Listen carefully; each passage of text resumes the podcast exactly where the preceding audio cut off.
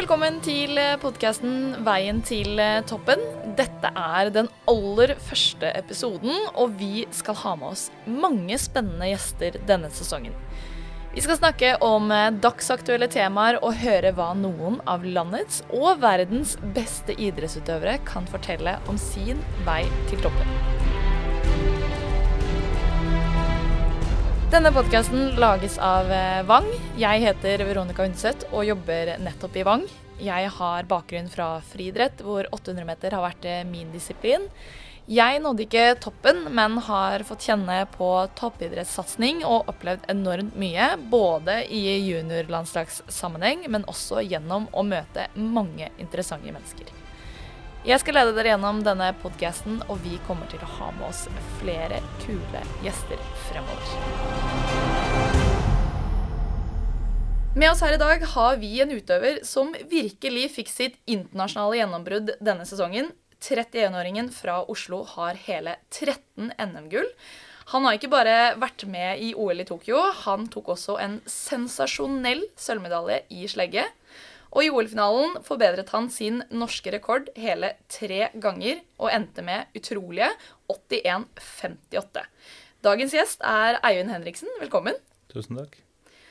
Først av alt så må jeg jo få gratulere deg med prestasjonen i OL. Eh, og nå sitter du her, da. Eh, hvordan, eh, hvordan, har du det? Nei, jeg har det veldig bra, jeg. Det kunne ikke vært bedre. Eh, og opplevelser, Sånn, hvordan kjenner du, kjenner du, deg nå etter å ha tatt en eh, OL-medalje? Nei, det har jo vært eh, mye styr, egentlig, siden jeg kom hjem. Jeg var jo rett tilbake til uh, pappaperm når jeg, når jeg, kom hjem, og i tillegg uh, media og sponsormøter og Ja, så ganske raskt tilbake i jobb også i tillegg, så det, det har vært mye.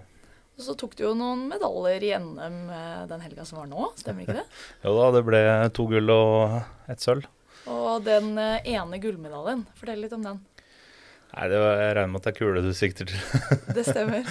Nei, der var det jo Jeg, um, jeg visste jo at uh, en av våre beste diskoskastere, Svein Martin Skagestad, var uh, ute med en uh, Han opererte for prolaps i ryggen. Så da meldte jeg meg på og tenkte at da kanskje jeg kan ta en bronsemedalje. Så sender jeg melding til Markus Thomsen, vår beste kulestøter. Ja, du, jeg skal være med i kule. Jeg bare ja, bra, jeg skal ikke være med. Han er også ute med skade, da. og så kommer um, Eh, påmeldingen og ser at uh, våre andre diskoskaster, Ola Stunes Isene, ikke er påmeldt. Og er bare OK, nå er det helt åpent om det gull. Så kult. Mm. Ja. Men det må man ha med seg i bagasjen. Ja da, det er absolutt. Eh, uh, vår, en av våre største sleggkastere, Sverre Strandli, hadde jo gull i kule i NM, så nå har jeg matcha han på det òg. Veldig bra. Eh, ved siden av Eivind her så har vi jo deg, eh, Håvard Johansen. Du er toppidrettssjef i eh, Vang, og kanskje du kan få lov til å introdusere deg selv og si noe om hvorfor du er her i dag? Ja, jeg er først og fremst som supporter av Eivind, ja, men ja, det stemmer. Jeg er toppidrettssjef eh, for Vang. Vi har seks eh, og åtte idretts- og ungdomsskoler som jeg, som jeg, er med på å lede. Så det er utrolig gøy da, å ha Eivind på besøk i dag. Jeg kjenner jo Eivind fra før han kanskje kjente meg. Jeg kjenner han godt fra som liten gutt, når han eh, fløy rundt der og kasta alt som eh, var. Og, og, kjenner familien, og kjenner Eivind som elev hos oss på Vang. Eh, og fulgt Eivind sin karriere tett. Jeg har også vært heldig og vært kasttrener i mange år. Eh, Sjøl har jeg kasta spyd. Eh, og fulgt Eivind på yngre mesterskap, altså for juniorer, og fulgt Eivind gjennom seniorkarrieren også så tett. Så, så, det er en ære å sitte med Eivind i dag eh, og ha både vært eh, litt med, men også sett mye av hans reise fra, fra utsiden. Så det er utrolig fint å ha deg her, Eivind. Ja, Vi er jo litt interessert i hvordan du har kommet dit du er i dag med å være en internasjonal utøver. Så eh, hvis vi starter fra man er barn eh, Det som fascinerer meg, er hvordan man finner ut at man har talent for noe. Hvordan fant du ut at du hadde talent for å kaste ting langt? Nei, Jeg, jeg tror det er ganske sånn tilfeldig. Altså, Jeg vet ikke om jeg, hadde, om jeg hadde vært på en frihetsbane i det hele tatt, hadde det ikke vært for at fattern var frihetsutøver sjøl. Eh, han var jo lengdehopper, da. Så det var jo han som tok oss med på, på frihetsbanen, og da, da, prøver man jo liksom alle øvelser. Um, og fant jo egentlig fort ut at uh, i hvert fall jeg og min storebror gjorde det veldig bra i kastøvelsen når vi var godt bygde når vi var yngre. Eh, så jo slegge var egentlig den siste øvelsen jeg prøvde. Eh, stav var den siste øvelsen, men uh, slegge var en av de siste øvelsene jeg prøvde da. Så det er litt tilfeldig at det blir sånn, da. Jeg tenker eh, Broren din gikk jo løypa litt grann før deg. Eh, hvilken rolle hadde han for deg i den første fasen der? Ja, Vi begynte vel egentlig samtidig med friidrett. Vi, hadde, vi hadde ett år eh, i Lambertseter når vi var sju år, tror jeg. Mm. Eh, når jeg var sju og han var um, ni. Eh, så var det vel et klubbmesterskap da hvor jeg eh, vant, og storebror kom på tredjeplass, så han fikk en litt mindre pokal enn meg da. da. da. ble det slutt. Um, og så var vi vel tilbake da, da jeg, det året jeg fylte 11 og han 13. Eh, og da var vi ganske kjapt inn og, og var med på et kretsprosjekt da, i kast med, med Thomas Rosvold, som er, eh, som er leder for uh, rekrutteringslandslaget i kast. Bra. Eh, du har jo jeg, vært heldig da, og hatt en familie som er tett på det du har drevet med, altså den eh, friidrett og reisen der gjennom. Hva tenker du om, om, oppfølgingen som barn, og hvor viktig har det vært? Nei, jeg tror det var ekstremt viktig. For det, det var jo liksom Vi hadde jo ikke noe, vi hadde ikke noe kast, særlig kastmuligheter på Bjørndal, der hvor jeg er fra. Så man trengte jo å bli kjørt litt rundt. Eh, og fattern var jo veldig på der. Så vi, vi, kjørte rundt i landet og var med på det som var av stevner. Og, og han har vært med i veldig mange år og kjørt oss rundt. Vi har jo, eh, Veronica, på Vang så har jo vi eh, eh, en del sånn klare kjennetegn. Altså hva er det som kjennetegner de utøverne som tar det aller lengst? Eh, og det er en del fellestrekk ved de utøverne som tar det lengst. Og et av de kjennetegnene er selvstendighet. Og hvert eneste år så er jeg heldig som toppidrettssjef å få presentere hvordan vi tenker og vår filosofi på Vang for alle nye foresatte. Og da trekker vi alltid fram noen tidligere elever eh, til hvert av disse kjennetegnene. Og da har vi mange år brukt deg, Eivind, som, som, et symbol på dette med selvstendighet. Du har jo eh, gjort, hatt en treningshverdag som har satt ganske ekstreme krav til deg. Eh, hva tenker du rundt eh, når vi limer selvstendighet på deg som utøver? Nei, det stemmer nok ganske bra, det. Eh, jeg tror jo selvstendighet er liksom noe man man får. På samme måte som at hvis du er 16 og flytter hjemmefra til en storby, så blir man jo selvstendig. Så jeg har jo hatt mange år hvor både med og uten trener. Når, når jeg hadde Einar som trener, så, så bodde jo han i Kragerø. Så jeg var jo mye alene på trening, og da må man liksom klare seg litt sjøl også. At man ikke alltid har en som står der og sier nøyaktig hva du skal gjøre. Da. Vi kan jo oppleve mange unge utøvere som eh, når trenere ikke er på trening, eller man skal gjøre ting selv, at kvaliteten faller, eller man gjennomfører kanskje ikke det man har tenkt å gjøre. Men eh, hvor ofte og hvor mye hadde du tilgang på trener i, i uh, ungdomsårene og juniorårene?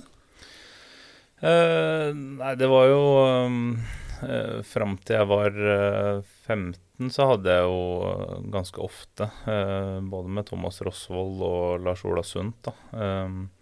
Før jeg bytta til Einar, som, eh, som, sagt, som bodde i Kragerø. Så han var, jo, han var jo inne i Oslo ca. én gang i uka.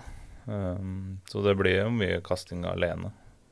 Det høres jo ut for en som kanskje utøvere som er vant til å ha trenere tett på, at det å ha treneren tett på én dag i uka, det, det høres uh, uvant ut. Uh, hvordan kommuniserte dere, og, og, hvordan klarte du å gjennomføre kvalitetstreninger uh, på egen hånd?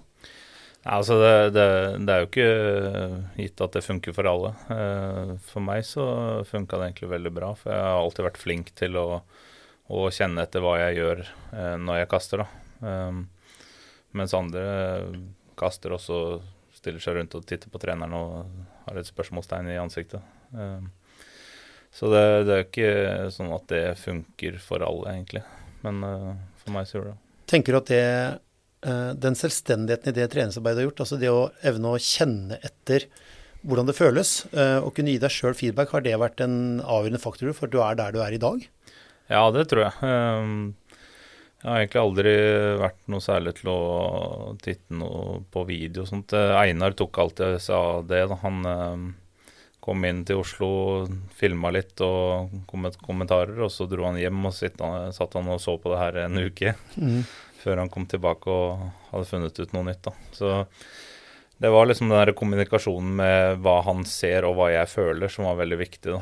Så han var også veldig god på det å, stille meg det spørsmålet 'hva følte du nå?' istedenfor å bare si 'du gjør sånn og sånn og sånn'. Mm. Litt sånn tilbake til, til junioralderen din. Var du en, var du en uh, juniorstjerne? Nei, jeg var sånn, uh, sånn, midt på treet, egentlig. Altså, jeg var jo helt, uh, helt oppi der i, i juniormesterskap. Jeg har en uh, fjerdeplass fra junior-EM som mitt beste. Ja, altså jeg gikk jo egentlig rett fra, fra junioralder og, uh, til å kvalifisere meg i EM uh, som 20-åring. Um, og VM som 21-åring. Uh, ja, var liksom 22, mellom 22 og 24 da, i, i, EM og VM. Og så var det jo OL i 2012 da, som jeg kvalifiserte meg til, og var vel ranka som nummer 28, tror jeg. Eh, og ble nummer 13 eh, i den kvalen. Og så ble en russer tatt, da. Eh, I, han ble vel faktisk tatt i OL. Og hadde også en 14.-plass i EM fra det året. så kom det 2013, da. hvor jeg da hadde begynt på NIH og skulle sparke litt fotball. Og da fikk jeg en ordentlig smell i kneet og måtte, måtte operere korsbåndet. Så da, da røk det en del år da, med med trening eh, fordi jeg ikke klarte å løfte noe særlig vekter. Og jeg fikk hele tida kasta, men ble dårlig med fysisk trening. Da. Det er jo en sånn periode når man går over fra ikke sant, Du har hatt en uh, juniorkarriere med, med, framgang. Du går rett inn i en seniorkarriere med å oppleve framgang, og du får touch på det internasjonale nivå. Og så kommer motgangen rett i ansiktet. Uh, og Det må jo føles tungt. Og det er jo mange som i den perioden gir slipp, altså gir opp. Hvor var du hen der? Altså, var, det, var, du inne på tanken i løpet av de årene der at dette gidder jeg ikke? Nei, ikke, ikke, så tidlig som i 2013-2014, eh, liksom. Men uh, det har nok streifa meg uh, noen ganger seinere. Men jeg tiden har hele tida liksom tenkt at jeg har potensial til å kaste veldig langt. og jeg ønsker å ta medalje i internasjonale mesterskap. Så det har liksom uh, trumfa det, da.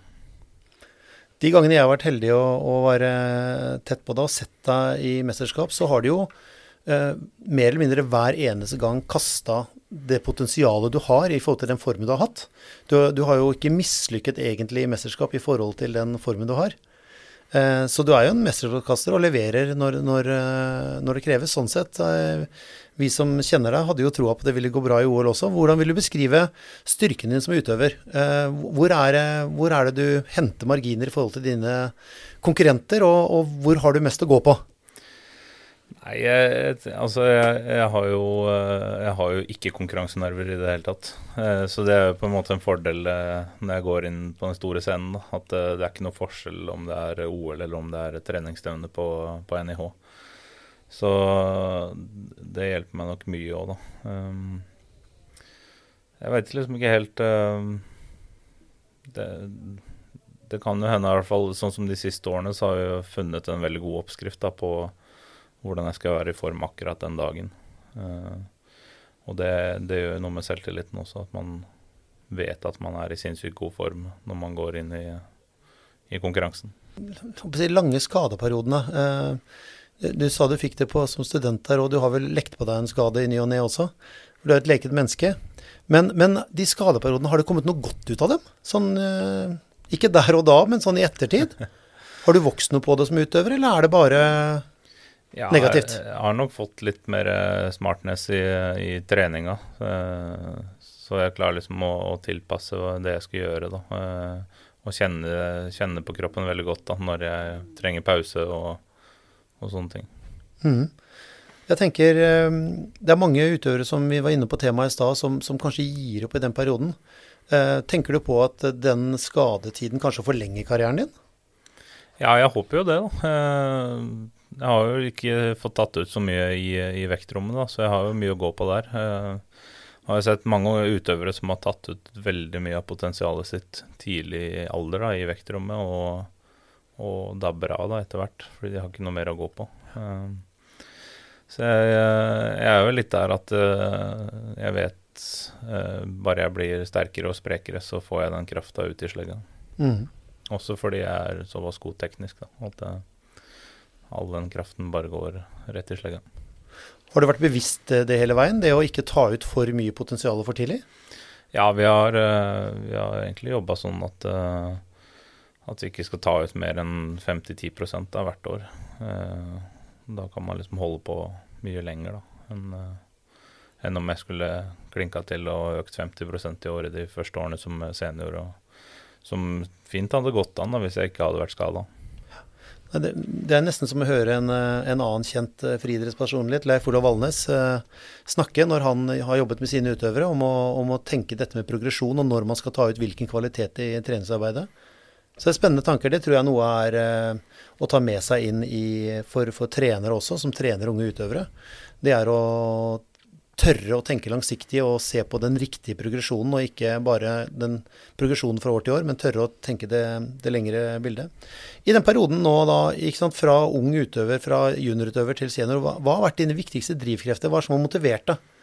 Hva er det du har gått på, på trening i, i regn og storm og sol og vinter og stått mye alene og hatt for så vidt en, et miljø rundt deg, men allikevel. Du har gjort jobben sjøl. Mm. Hva er drivkraften? Nei, Det er jo egentlig uh, målene jeg har hatt, som å ta internasjonale medaljer og kaste 80 meter. Det er liksom 80 meter er drømmegrensa i slegge, og da jeg hadde liksom ikke lyst til å gi meg før jeg hadde den. da. Jeg tenker, eh, Nå har du fått mye omtale nå. Eh, du kan sammenligne det med en annen tidligere fangeelev, Bartosz, som som jo i, akkurat i OL i 2012 fikk til og med flytta Dagsrevyen og fikk mye oppmerksomhet etter det OL-sølvet. Nå har du et OL-sølv i hånda som for mange norske kanskje er eh, litt overraskende eh, og, og, og, like gledelig. Eh, dette med å være i rampelyset, da, har det vært en motivasjon? Ja, altså Det er ikke det som betyr mest, men det, det er jo Det kommer jo fint med, fordi det gir jo publisitet, og, og sponsor blir oppmerksomme på, på, det jeg gjør. da. Så det er jo egentlig det viktigste med det å komme i media, at jeg får litt mer støtte og kan kanskje kutte ned på, på jobbing og satse litt ordentlig i noen år nå. Mm. Du snakka om 80 meter. Sto 80 meter og blinka deg når du var 17-18-19 også? Ja da, det gjorde det. Så um, det har liksom alltid vært, uh, vært drømmemål. Nå har jo de to som har kasta lengst i verden, uh, ja, senest for et par dager siden, hvor uh, Juri Sedik, som har verdensrekorden, dessverre døde, altfor ung, og Litvinov, som er den som har nest lengst vel, som, som også er, er, borte. Det er, det er, snart 40 år siden verdensrekorden ble satt, i 86. hva tenker du, hva er mulig? Nei, det er ikke mulig, i hvert fall. Det er ikke mulig? det er jeg ganske sikker på. Da tror jeg man skal finne en uh, person som er uh, både helt fantastisk teknisk og, og, dyrisk sterk. Da. Du har noe mesterskap nå framover og veien videre, Eivind. Hvor, hvor, hvor, er neste hovedmål? Nei, nå er det jo både EM og VM neste år, da. Så det blir spennende med to mesterskap på ett mm. år. Det det er jo ikke så ofte man har det. Man har jo EM og OL samme år, da. Men uh, det ble jo ikke noe av det når det egentlig skulle vært i fjor, fordi EM ble avlyst. Så det blir jo en utfordring i det å kunne toppe formen til ett mesterskap, og så uh, noen uker seinere skal være på en ny toppform. Mm -hmm. Hva tenker du nå da? Eh, er det der, er det siktemålet ditt, og det er ditt uh, veien går? Eller tenker du enda lenger til uh, Du har jo bare en tre års uh, olympisk syklus foran deg nå? Jeg tenker på OL i Paris, ja. så det er absolutt et mål. men vi har vi har fem mesterskap de neste tre åra, så det er mye man skal tenke på før OL også. Hvordan skal du klare å komme i angrepsposisjon? Nei, jeg tror det fortsetter i samme, den, uh, samme flyten som vi har hatt nå. Da. Uh, være flinkere til å, til å, tilpasse når man kjenner at kroppen uh, stritter litt imot. så jeg tror ikke det blir så veldig mye endringer på, på den type trening som vi har gjort. Åssen Mm. Hvordan ser hverdagen din ut nå? I forhold til trening, hvordan håndterer du hverdagen for å kunne forberede optimalt gjennom kommende vinter? Nei, det er jo blitt litt mer litt mer tilpassing, da, siden jeg har fått en liten guttunge og, og har jobb og ja, litt av hvert. Så det, det, er ikke jeg som bestemmer treningstida lenger. kan du si noe om uh, hvor mye du trener nå, uh, og hvordan du har trent? Hvor, hvor, mye mengde har du trent opp igjennom? Nei, jeg, jeg, trente ganske mye jeg var, uh, da jeg var ung. Veldig lite vekter. Mye sånn type fitnesstrening. Altså Kasta mye medisinball, løp mye sprint da, og, og mye spenst. Så det tror jeg var viktig å ta med seg inn uh, uh, når man ble eldre.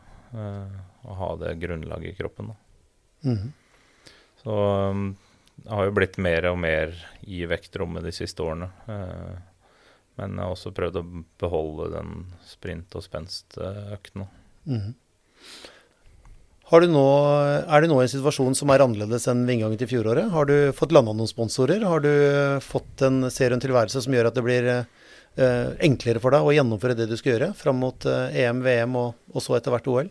Ja, nå har jeg fått, uh, fått, inn et par sponsorer og er i samtale med noen andre også. Så det ser veldig bra ut for, for de neste tre årene, egentlig. Spennende. Eh, nå har du jo et OL-sølv. OL-sølv. Eh, også hvis vi tenker litt tilbake i tid, da, til EM i Berlin i 2018. Da kasta du jo eh, rundt 76 eh, meter. Eh, og så kommer vi til VM i 2019, og du kaster 77 meter. Det er ganske stor forskjell fra 77 til 81, og liksom nå den grensa på 80 meter. Hva har du gjort på veien for å komme dit gjennom de åra der? Nei, 2008, 2018 var jo liksom den uh, første sesongen litt tilbake igjen, da. Uh, jeg hadde fått en hel treningsvinter uh, uten noen skader, og da kom resultatene med en gang.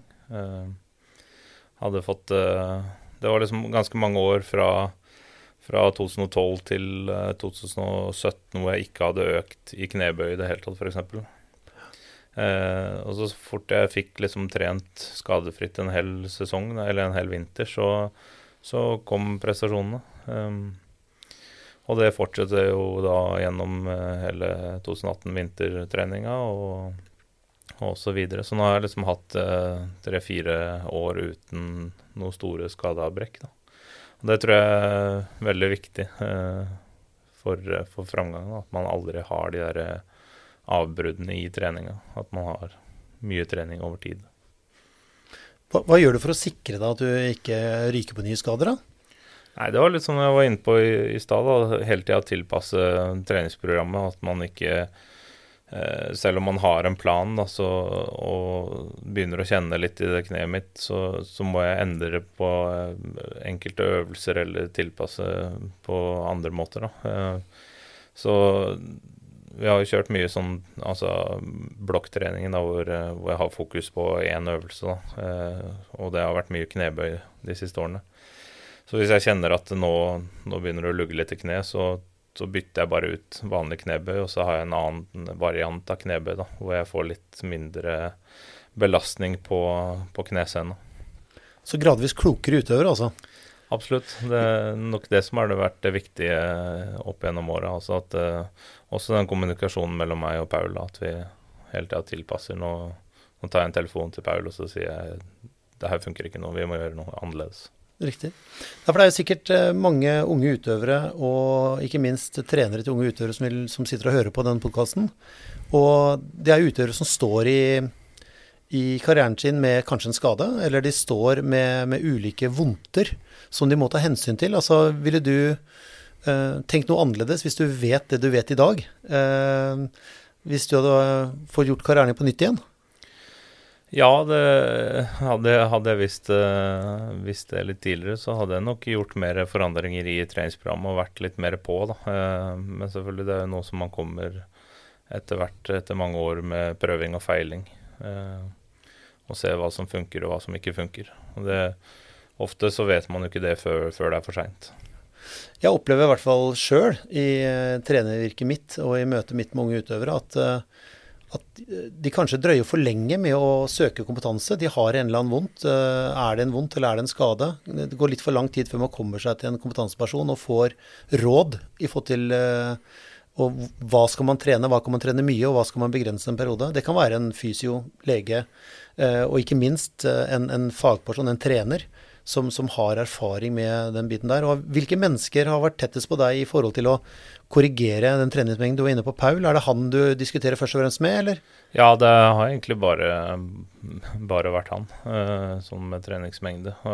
Men det, det, går jo helt på hva, hva jeg føler også. Uh, for det blir jo ikke endring i programmet hvis ikke jeg tar den telefonen til han og sier at nå er det for mye, eller det her funker ikke. Mm. Er du flink til å lytte til kroppen din nå? Veldig flink. Ja. Så jeg trener heller litt eh, for lite enn litt for mye. Samtidig da, så er det jo Det diskuteres i idretten jevnlig dette med, dette med belastning. Og det er kanskje en tendens til at man, uh, mange trener for lite, eller hviler seg i form. Man er redd for å påføre kroppen belastning. Hva, hva, hvor står du? Nei, jeg, jeg har sett mye, mye, rart opp gjennom årene. Jeg tror det er viktig at man også gjennom hele sesongen trener mye. Da. Det har jeg gjort mer av nå, nå i det siste. At jeg har et ganske bra volum gjennom hele sesongen. Da. at man ikke hele tida bare skal piffe seg i form og, og hvile seg i form. For det, det, det er en begrensa periode hvor man kan være i toppform. og da kommer ofte, ofte skadene når man er på sitt beste. Mm. Mm. Men hvordan er det da Er det da sånn at når du starter en ny grunntreningsperiode, at du er på et høyere nivå enn du var året før? Ja, det er jo det vi hele tida prøver, da. Ja. Så hele tida prøver liksom å være et steg over det man var året før. Mm. Og nå er eh, sesongen over, eller? Jeg har én eh, konkurranse igjen til helgen, så etter det så er det ferie. Hvor skal du få gleden av å se deg da? Det blir i Bergen, på Trond Moen Games. Trond Moen Games, ja. Hva er du, Når du da har sesongpause, hva er du bruker tida på da? Er det, trener du fortsatt da, eller hvordan legger du opp den type sesongpause, og hvor lenge varer en sesongpause? Ja, nå skal jeg først uh, en uke ferie med familien til Spania, så da blir det late dager. Ingenting. Blir sikkert tvunget med på å sykle eller spille tennis eller noen sånne ting som jeg ikke burde gjøre. Sykle går greit, men tennis tror jeg skal holde meg unna. Ja, og så blir det én ja, til to uker til uh, med litt sånn rolig trening. Jeg tror det er viktig at man, ikke, at man ikke slutter å trene, men at man holder det litt gående. Men bare gjør liksom hva man har lyst til, da, og leke litt. Mm. Veldig bra. Lystbetont trening er også viktig trening. Det er det absolutt. Ja. Det er viktig å ikke slippe seg for langt ned, for da blir det hardt å komme i gang igjen. Absolutt. Eh, vi eh, har en eh, fast spalte, eller vi, vi, starter nå med en fast spalte i podkasten. Vi ønsker jo å inspirere unge utøvere, men også de som er rundt de unge utøverne. Så hvis du skulle gitt noen råd da, til en ung utøver som ønsker å nå toppen, hvilke råd ville du gitt for dem, og hvilke råd ville du gitt til trenere til disse unge utøverne? Nei, til de unge så, så tenker jeg at det er, det er, viktig å sette seg mål. Eh, ikke bare langsiktige mål, men også kortsiktige mål om eh, eh både resultatmål og prosessmål. Eh, finne, finne små ting som man kan eh, jobbe mot hele tida. Eh, det tror jeg er ekstremt viktig, at man ikke bare ser at man skal være med i OL i 2032 og skal ta medalje der. Til trenere så tenker jeg i hvert fall de som ikke har så mye erfaring. Da, og det er viktig at man, eh, man, søker hjelp og ikke tenker at det her kan jeg best sjøl. Det har jeg sett mye i de siste årene etter at Gjert ble kjent. At pappatreneren den vet best. Men Gjert har ikke vært alene om det, han heller. Han har vært uh, sinnssykt flink til å søke hjelp og, og lære ting hele tida. Så hva er en god ungdomstrener for deg? Altså, beskriv den ideelle treneren som skal løfte en ambisiøs uh, ung gutt eller jente til, til, et høyt nivå? Nei, altså først og fremst så er, må du jo uh, være interessert. Du må følge opp uh, mye. men også som det jeg sa, alltid, alltid søke hjelp. For det er alltid noe nytt å lære. Er det noe i slegge, Eivind, er det noe på gang i Norge nå, eller? Er det noen uh, utøvere på vei opp som er, som er, unge og spennende? Ja da, det er, eh, det er flere unge som eh, er, Jeg syns det, det, er flere og flere som er med i slegge. Det er liksom gått fra å være en øvelse hvor det er en seks stykk med i NM, til å være ja, 10-12-14 stykk. da. Så det er flere og flere som kaster slegge, og det er gøy å følge med på. Så bra. Det syns jeg var veldig fine råd da, til eh, de unge håpefulle eh, og de håpefulle trenerne. Eh, Da ønsker vi deg masse lykke til med, med stevnet førstkommende helg, og eh, treninga videre eh, mot en ny sesong. Eh, og takk for at du delte din reise i, til takk. toppen. Tusen takk. Takk skal du ha, Eivind. Det vil komme flere episoder fra oss fremover. Neste episode er planlagt om drøye fire uker. Sørg for å få med deg den, og jeg anbefaler at du abonnerer på podkasten vår, slik at du aldri går glipp av en episode. Du finner oss også i sosiale medier under Veien til toppen. Vi høres!